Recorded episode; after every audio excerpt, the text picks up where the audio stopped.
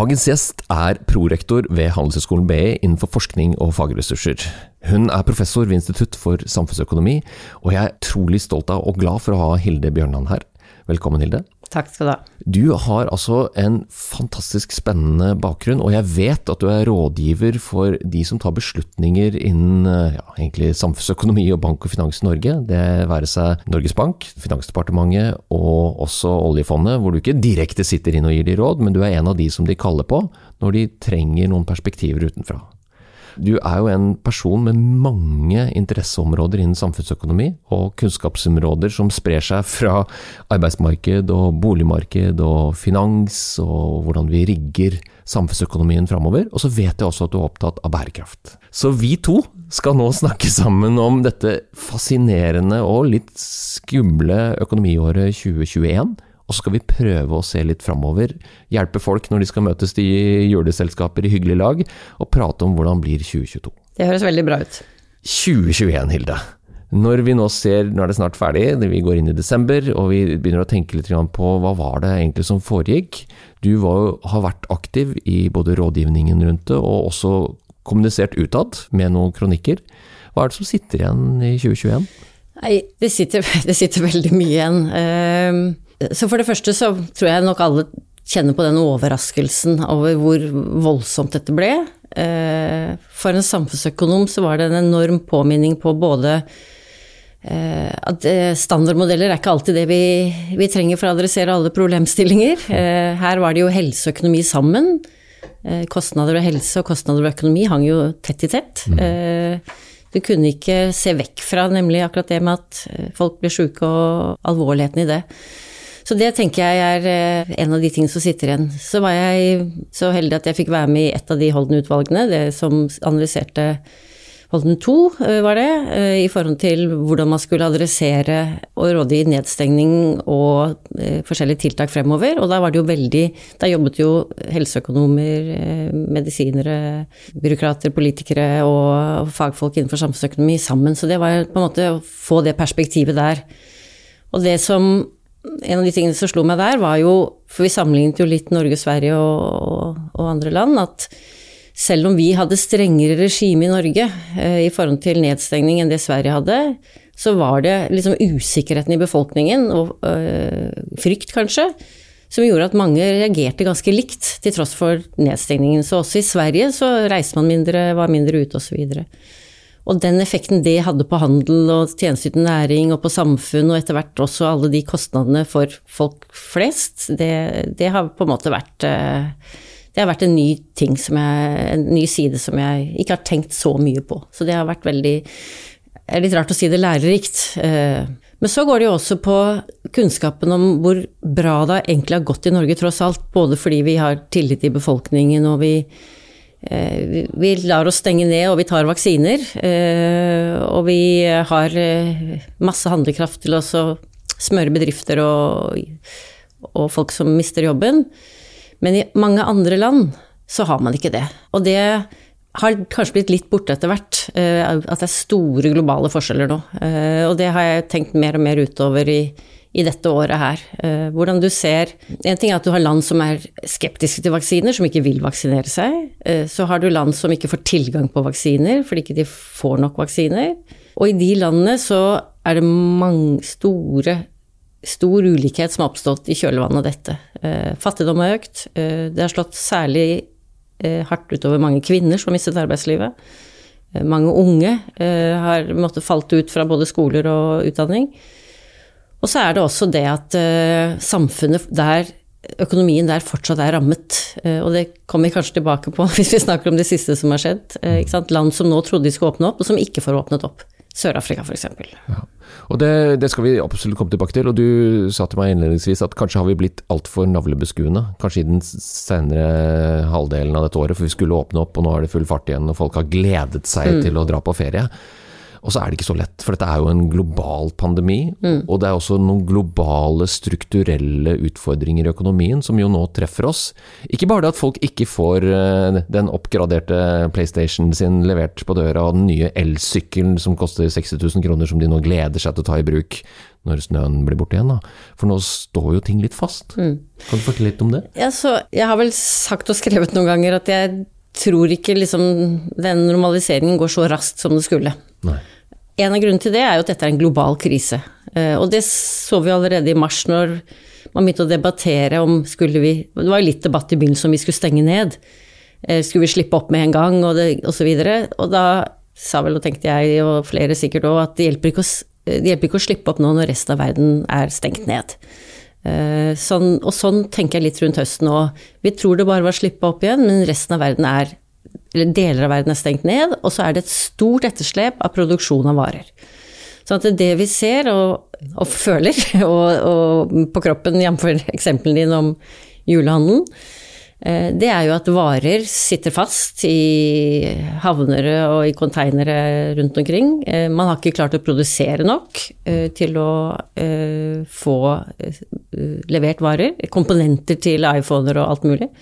Eh, Byggevarer. Og da får vi besøk av en gammel kjenning fra Da får vi besøk, av inflasjon, som vi trodde nesten var utradert. som vi trodde var utradert. Ja. Så nå er det det som er liksom det store temaet, at fordi det er tilbudssiden nå som bakker, etterspørselen er der, men tilbudssiden eh, henger etter, så får vi økte priser og kanskje lønninger, og da får vi en utfordring som gjør at eh, sentralbanken igjen begynner å tenke på å sette opp renta.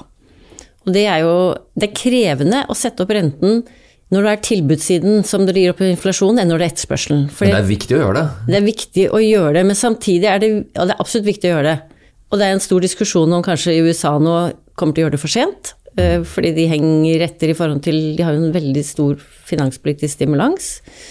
Men det er viktig å gjøre det. Men samtidig er det veldig viktig også å se når man gjør det, eh, være klar over at det er forskjell på å ha høy inflasjon fordi du har begrensede varer, og høy inflasjon fordi du har for stor etterspørsel. Ja. Og det er den balansen der som blir krevende for sentralbankene fremover.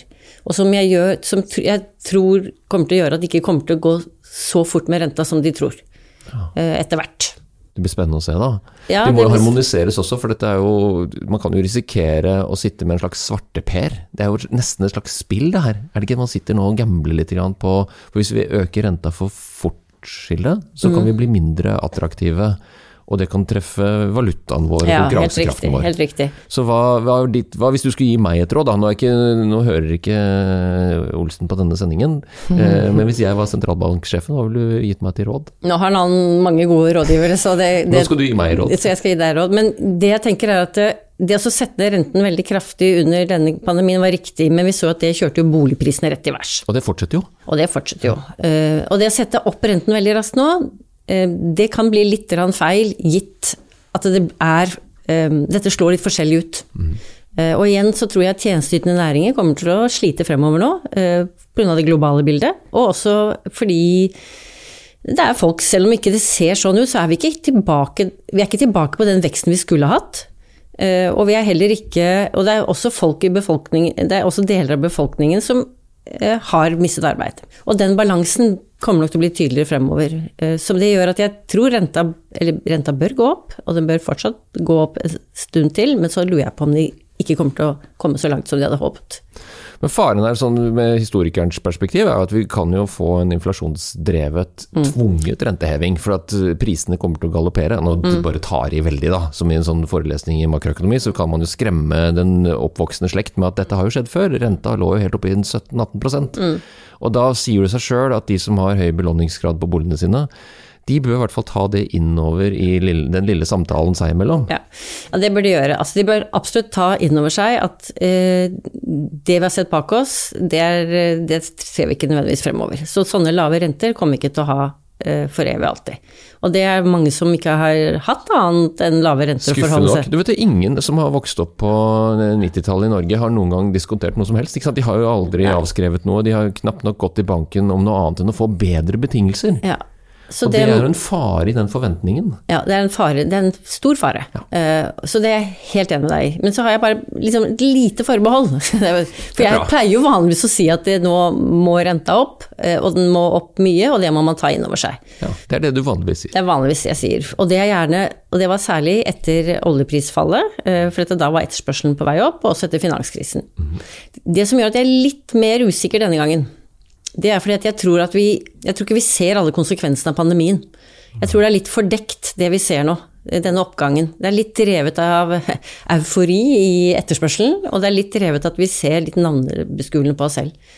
Uh, og jeg tror at globalt så vil etterspørselen falle uh, nå fremover, uh, og det vil kanskje være med på å dempe inflasjonen litt globalt også, og det vil også kanskje dempe litt av disse problemene vi ser da. Så det bør man følge med på. Jeg sier ikke at det nødvendigvis er rett rundt hjørnet, men det bør man følge med på. Og det er litt det med at nedgangen var jo Altså denne nedgangen vi har hatt, er helt, helt annerledes enn vi noen gang har hatt.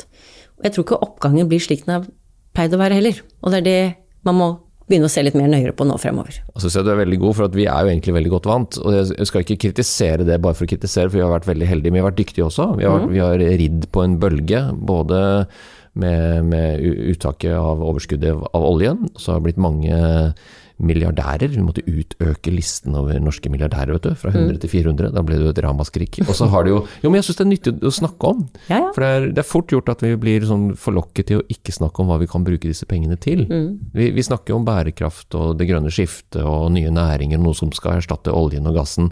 Og det er jo ikke gjort i et sånt knips. Nei. Det kommer til å ta litt tid. Ja, ja. Så spørsmålet er hvilke virkemidler har vi? Hva er det du ser nå inn mot 2022 og fremover? Hva, hva bør vi gjøre, Hilde? Men bare før vi går der, så apropos hva vi har gjort. Fordi vi har jo brukt veldig, veldig mye penger. Huff, jeg var redd du skulle til å minne oss på det. Nei, ikke sant. Eh, og staten har brukt mye penger på bl.a. å eh, sant, støtte bedrifter som har tapt inntekter osv. Ja, men det må de jo. Det må de jo. Ellers så blir de upopulære. Ja, men da blir det ikke gjenvalgt, vet du. Ja, da blir det ikke gjenvalgt. Men samtidig så ser vi jo nå at en del av dette har bare gått til økt utbytte. Eh, og vi ser jo også at eh, ikke alt dette her eh, har bidratt til økt arbeid. Nye arbeidsplasser, eller holdt arbeidsplassene ved like.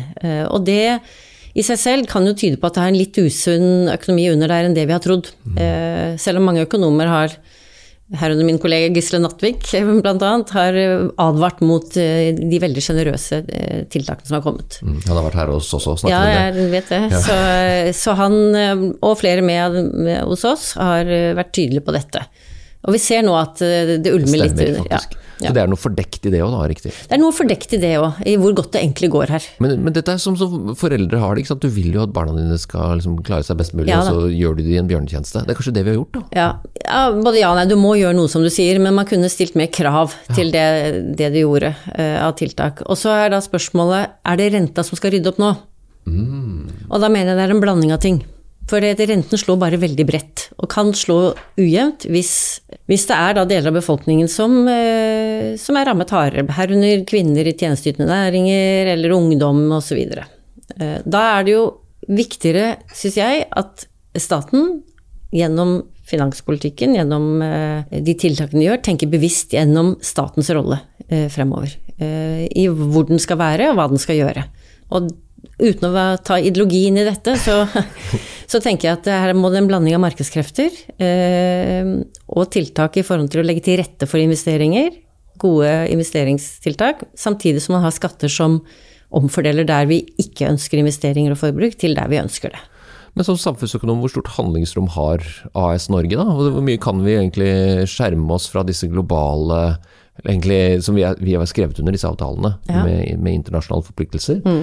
Om å åpne mest mulig. Mm. Og så kan vi, vi kan lukke litt og holde på litt for oss sjøl med noen subsidier og noe greier, men vi er ikke fritt fram, er det det? Det er ikke fritt fram. Altså vi, vi er bundet av mange avtaler, selvfølgelig. En ting er det du ville ha meg innpå i stad, det med bærekraft. Jeg har ikke tenkt å gi meg på det. Vi Nei, og vi skal innom det igjen. Eh, I forhold til eh, karbonavgifter. Mm. Ja, for det kommer. Det kommer, og det er riktig. Det er et riktig verktøy. Så forbruker skal betale? Forbruker skal betale. Helt ned på deg og meg. Ja, og vi skal, om, vi skal flytte investering og forbruk fra der det forurenser mest, fordi det koster, til der vi ønsker det. Eller vi må, egentlig. Eller vi må. Ja. Uh, og her, dette vil også bli dyrt for staten. Men vi har en del andre utfordringer som binder oss opp handlingsrommet, og det er jo økt eldrebølge. og med det flere syke. Og så har vi jo hatt en produktivitetsvekst og en altså velferdsøkning nå i mange, mange år. Og vi er et ganske effektivt land. Slik at vi har tatt ut mye gevinster gjennom digitalisering og effektivisering, samtidig som vi har vent oss til, naturlig nok, høyere velferd. Så det er klart at når du og jeg skal på, blir gamle og skal på gamlehjemmet, Ja. så ønsker vi en velferd, vi òg. Ja, vi kommer ikke til å godta sånn fellesrom. Nei, det tror jeg ikke. Vi vet hva vi har krav på. Vi vet hva vi har krav på. Ja, og nå har det passert en million eh, eldre. Ja. Og bare om noen år så vil jo vi utgjøre et flertall. Ja. Og da vil jo den politiske også diskursen bli preget av det. Vil jeg Ikke sant? Vil jeg tro helt sikkert. Så det som er viktig, er at staten nå i den perioden hvor de nok kommer til å bli større, passer på uh, at de er der de skal være, og ikke eh, bruker sin makt til å subsidiere eh, næringer eller områder som ikke bør subsidieres. Men så er det dette med omfordeling, da. For det er jo mye ressurser i dette landet, det er ingen tvil om det. Nei. Og så har du jo, du har påpekt en veldig interessant ting gjennom denne coviden med dette med fra overnatting og servicevirksomheter, som er dominert av, av, av kvinner, og som har blitt kanskje hardest rammet av nedstengninger og permitteringer og, og oppsigelser. Men kan ikke den arbeidskraften også gjøres om til si, effektive framtidige tjenesteytere innen helse og omsorg? Jo da, det kan det. Og SSB sier jo at eh, fremover så vil mange av de nye arbeidsplassene komme i helse- og omsorgssektoren. Hver fjerde, sier vi Ja, de sier det hver fjerde. Må Ja, det- forberede seg på å jobbe innen helse og omsorg. De vil jo ikke det, men det er det Nei. de sier. Men det betyr at de må også øke lønna, hvis de skal få folk til å jobbe der. Og det vil bli kostbart for staten. Så staten står foran økte utgifter, eh, både gjennom den velferden vi vil ha, og gjennom de som skal jobbe i denne bransjen. Og det er veldig vanskelig å effektivisere antall sykepleiere eller antall helsearbeidere, fordi vi kan effektivisere at vi leverer skjemaene digitalt, eh, men skal du bandasjere en albu eller eh, løftes ut av sengen din, så er det den ja, Kanskje du kan få hjelp til det siste, da, men du, du krever folk. Ja. Det er det som er poenget. Men det som er i ferd med å skje, og nå kan hende du blir lett oppgitt over meg, da, for nå tar jeg en rask historisk analogi igjen. mm. det er jo, Vi er jo i ferd med å innføre behovsprøving igjen. Altså En av de prinsippene med folketrygden var jo universalisme, at alle skulle ha rett på like ting, og at staten helst skulle ta hele regninga. Men vi ser jo det, at det er jo noen som har råd til å betale mer. Ja. Og de burde jo de burde betale mer, for de kan det. Mens da blir det sånn at det blir en slags eh, idealistisk eh, idé vi har om at alt, og med moderne velferdsteknologi, alt kan jo nesten repareres til evig tid. Så ser vi den diskusjonen litt, også kamuflert av eh, covid-19 selvfølgelig, for at nå må man jo håndtere det, og det håper man man gjør. Så kan man jo begynne å prioritere det snart. Hvis ikke vi innfører mer behovsprøving, eller finner andre måter å finansiere dette på, så er jo dette her et underskuddsforetakene ganske snart, eller er det vel allerede? Jeg, jeg tror du har rett i det. Eh, Vi kommer ikke unna det, at eh, vi må i større grad eh, la de som kan betale, betale mer. Men innenfor det offentlige. Innenfor det offentlige. Men samtidig så stiller du da egentlig spørsmål ved hvorfor skal de betale mer der og ikke andre steder? Ikke? Du stiller jo på en måte litt sånn overordnede spørsmål ved det. rokker ved noe som vi tenker at vi Ja. tar for gitt. Og i motsetning til Vi har jo satset veldig på offentlig skole og offentlig helsevesen. eh, Og vi har jo kunnet det fordi vi har, vi har denne, dette oljefondet da, eh, med handlingsregelen som gjør at vi har økt innfasning av oljepenger, og det mye har vært brukt på økte tjenester ikke sant, via offentlig. Vi har et sjenerøs velferdsstat, eh, mer sjenerøst enn det de har i Sverige og Danmark, fordi vi har hatt ekstra oljeinntekter. Mens der har, mens eh, der har man i større grad latt private ta en del av eh, oppgaven og regningen. Og det er på en måte et valg vi har gjort i forhold til de, fordi vi har faset inn oljepenger. Men det som jeg har kritisert, er at det er greit at vi har faset inn når vi har brukt mer penger på Ola Kari Nordmenn. Det er jo vi som Vi har vært med på oljefesten, vi òg.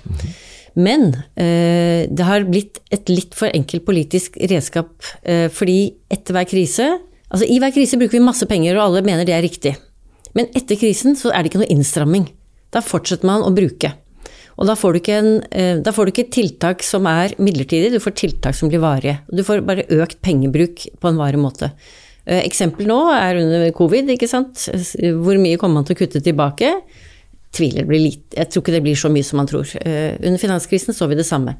Og da blir bare staten større uten at du er bevisst det. Og, og den type manglende prioriteringer, den tror, jeg ikke, den tror jeg vi kommer til å se en endring på nå. Det må komme en endring på det fremover, ellers må vi begynne å eh, ganske raskt vil vi begynne å ta av oljefondet og spise av den. Har vi jo tatt gode jafser av oljefondet de siste åra. Ja, vi har ikke tatt direkte jafser av selve Nei, fondet, men av, men sant? Vi, har eh, brukt, vi har brukt mer og mer av eh, sant, den inntektsveksten. Mens nå ser vi at eh, fondet vil ikke vokse så mye fremover. For vi fyller ikke på med oljepenger, eh, og avkastningen er ikke så stor på børsene. Og da vil, hvis ikke regjeringene nå fremover prioriterer, så vil de begynne å ta av fondet. Så en eller annen finansminister vil være den første som begynner å spa ned av det fondet. Med mindre man begynner å prioritere. Ja, og den prioriteringen henger også sammen med det, det, det grønne skiftet. Altså Vi må finne næringer som er mer bærekraftige. Ja. og som, Vi får også utnyttet de naturressursene som egentlig har gitt oss denne fantastiske levestandarden. Ja. For jeg husker når jeg studerte eh, historie og økonomi på tidlig, eh, slutten av 80-tallet, begynnelsen av 90-tallet, så misunte vi jo svenskene. Husker du Hilde? Vi ønsket å lage virksomheter som var mer eksportrettet, som hadde en større del av verdikjeden, og kunne være der ute og konkurrere internasjonalt. Mens Ja så har vi hatt flaks på råvareeksporten vår, og så har vi utviklet tjenesteteknologi knyttet til råvare. Primært olje og gass, men også fisk selvfølgelig, og annen type råvarebasert industri. Da. Og da blir det spennende å spørre deg, hva ser du framover? Altså, hvilke vertikaler, eller hvilke, liksom, hvor er det vi skal sette gass hen, og hvor er det vi må kanskje tone ned? Ja, Altså, du har helt rett i det du sier. Og en av grunnene til at det ikke har gått galt med oss som oljeprodusent, da, i forhold til land som det har gått veldig galt med, det er jo at vi har bygget opp denne veldig eh, produktive, teknologitunge, kunnskapsrike leverandørindustrien. Med næringer rundt seg, som ikke bare har eh, liksom funnet, men også liksom utvinnet og gitt kompetanse til andre næringer. Der har vært kjempegode. Kjempegod. Ingen tvil om det. Og der hadde vi jo griseflaks, om jeg kan si det sånn. For vi kunne jo eh, skjerme denne næringen på 70-tallet så den ble bygd opp til å bli det den har blitt. I dag så kan man jo ikke skjerme næringer på den måten. Hvorfor ikke det? Nei, fordi vi er en del av en internasjonal uh, verden hvor du skal konkurrere, og hvor du skal uh, Vi er med, ikke sant. Vi har avtaler med EU hvor vi kan ikke på en måte skjerme våre egne industrier og bygge de opp. Uh, de må være i konkurranse med andre. Eh, vi kan subsidiere på spesielle måter, og det gjør vi jo med landbruket. Og jeg kunne sikkert sagt noe hva jeg syns om det, men Om ostetollen på 380 ikke sant? Det, og sånt, det, ja. det er ikke veien Nei, å gå. det. Nei, men vi fikk bygd opp kompetanse. Eh, Og fremover så er den kompetansen Den vil fortsatt være viktig i utvinne Utvikle olje og gass som er mer klimavennlig enn det den har vært nå. Få ned fotavtrykket. ja. Ja. Men samtidig så er jeg litt opptatt av at um, det er ikke slik at Eller man har den Hva skal vi leve av etter oljen? Det er ikke slik at etter oljen begynner i morgen. Vi kommer til å være i denne omstillingsfasen lenge. Hvor lenge da? Nei, tiår. Kanskje viktig å ta inn over seg? Ja. Jeg tror det er viktig å ta inn over seg, for vi leter, all, vi leter alle etter ny, mye av hva skal vi leve av. Og særlig for noen år siden, etter det oljeprisfallet i 2014-2015, så var det veldig mye hva skal vi leve av etter oljen, og det var mange kreative forslag. Eh? Eh, alt fra turisme, og vi skulle ha, leve av eh, spennende reiser, og vi skulle gjøre mye rart, ikke sant. Men vi er et land langt mot nord, og det snør, og det er ymse vi kan selge. Men det som eh, slo meg i den debatten, det var at man, man hadde ikke helt forståelsen av hva det var vi egentlig drev med. Eh, og den kompetansen er den vi skal ha med oss til å bygge ut eh, andre næringer videre. Eh, og det er det jeg mener blir viktig fremover.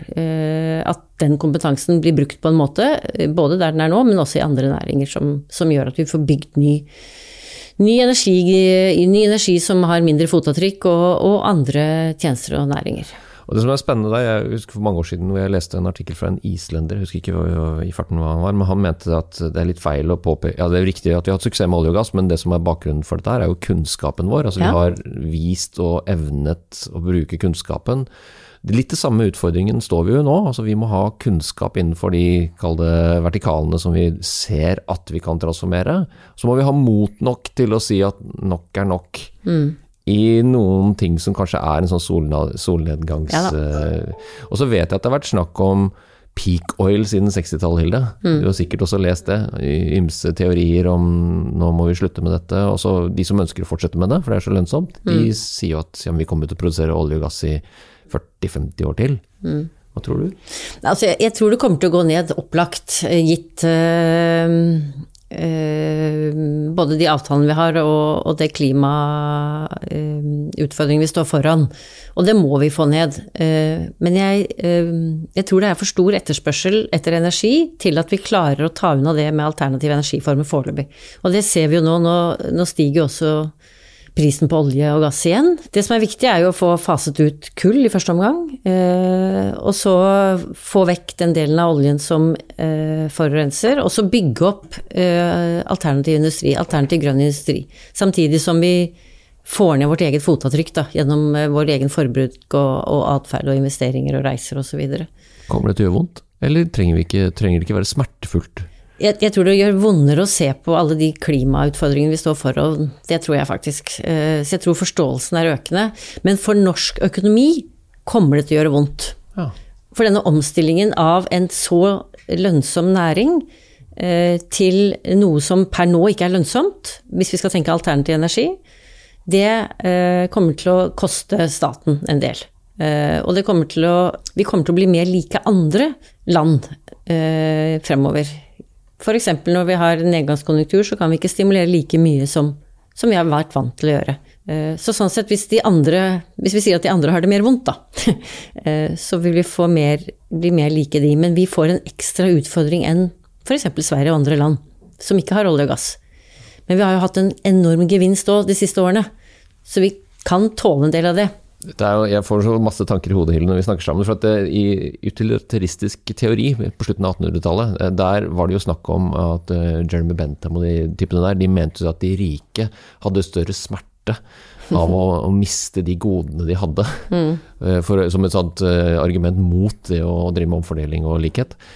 Og det jeg aner i, i debatten, i hvert fall eh, litt sånn på overflatenivå, er at det er jo noen som posisjonerer seg nå, selvfølgelig for å opprettholde dette så lenge ja. det er mulig å tjene penger på det, samtidig som man erkjenner at oi, vi må prioritere. Du har snakket mm. om det flere ganger, at prioritering gjør jo vondt. Mm.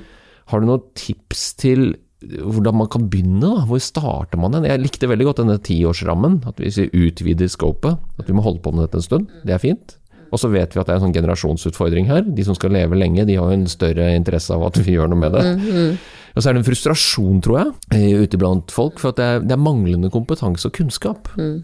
Så hvor begynner vi igjen for å få til denne omstillingen? Eh, altså, det er frustrasjon hos mange. Det er frustrasjon hos de unge fordi det gjøres for lite. Og så er det frustrasjon for de som jobber og ser at eh, debatten er et helt annet sted. Det er veldig harde fronter. Ja. Eh, men jeg tenker at vi må begynne med de tiltakene eh, vi vet virker, og økonomer har litt å bidra med her. Jf. beskatning og, og, avgifter på um, karbonavgifter. Ja. At det er viktig. Og så eh, når det gjelder selve oljeutvinningen, så satt jeg også del av et sånn klimaomstillingsutvalg og hvor vi diskuterte viktigheten av at eh, den utvinningen vi har fremover, må være liksom i de modne, lønnsomme områdene. Eh, at vi ikke går inn i ulønnsomme områder. For da sitter staten med hele risikoen til slutt. Eh, og det er å minimere statens risiko, sånn at staten har evner til å finansiere velferdsstaten også fremover. Ja. Så, men jeg, jeg, jeg, prøver å ha to tanker i hodet. fordi på den ene siden så skal vi få ned klimatrykket, vi skal omstille. Samtidig så vet jeg hva vi lever av i Norge, og det er viktig å få til en omstilling som tar med seg kompetanse og øh, den utvinningen som det er plass til, på en, liksom en bærekraftig måte. Mm. Uh, og jeg syns at vi har en veldig polariserende debatt. Uh, jeg skulle ønske vi hadde en debatt som i større grad klarte å ha flere tanker i hodet. Samtidig, jeg vil ikke undertrykke på noen som helst måte at det kommer til å koste, og at vi vil skal gå i den retningen, men vi kommer til å omstille i årevis. Og den eh, polariserende debatten den kommer jo ikke til å gjøre noe godt med samarbeidsklimaet. For vi kommer jo ikke hit i den velstanden vi er i, eh, med trepartssamarbeidet vårt og med næringer som samarbeider og clustere som vi har bygd opp, mm. uten å ha en god dialog med hverandre. Nei. Så den respekten for hverandres synspunkter og kanskje kunnskap, da, mm. den er jo egentlig nå satt litt på prøve, er den ikke det? Ja, altså jeg mener at det er viktig at vi har den disse samarbeidsflatene og denne debatten fortsatt fremover.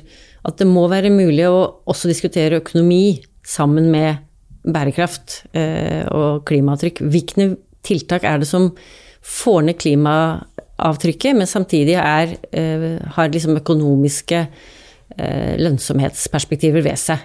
For du vil ikke sette i gang med masse tiltak hvis det viser seg at de koster masse, men har ingen effekt. Derfor så mener jeg f.eks. det å uh, kutte kraftig i norsk oljeproduksjon i en tid hvor jeg ser og både forsker på og vet at skiferprodusentene kan øke produksjonen over natten. Det, det, det, I et kort perspektiv uh, så tror jeg ikke det er veien å gå. I et lengre perspektiv så bør man kanskje få til avtaler mellom produsenter på tvers av land i forhold til å få ned produksjon og få opp annen type bærekraftig eh, energi. Så det vi har lyktes med fram til nå i vårt lykkeland, det er jo at vi har snakket sammen på en relativt god måte. Altså vi har funnet kompromisser. Ja. Det må vi jo kanskje i enda større grad lykkes med. Mm. Mens det som jo i ordskiftet løftes fram med de der steile frontene, er veldig fint at du sier det. Det må vi hver og en av oss passe på. Mm. Og det er jo fint sånn inn i adventstiden og inn i det nye året og ta litt sånn kanskje ikke være så selvhøytidelig inn i de diskusjonene. Ja, For altså, vi vet jo ikke, det er vel kanskje det eneste jeg er helt sikker på. Det er jo ingen av oss som vet svarene på disse tingene. Nei, og så tenker jeg at de unge har mange perspektiver vi skal lytte til, og så innimellom kan det være greit å minne om hva vi har bygd opp landet med også. Ja. Og den kompetansen sammen er, er veien videre. Så, men det bringer jo kanskje oss tilbake til en av de temaene du hadde innledningsvis, da, med den globale siden òg. Mm. Fordi, Nisseluen, vet du. Ja, vi sitter jo her og diskuterer liksom optimere hvordan vi skal få det til. Ja. Men så har du en global verden hvor eh, Pokker også, det. Ja, ikke sant.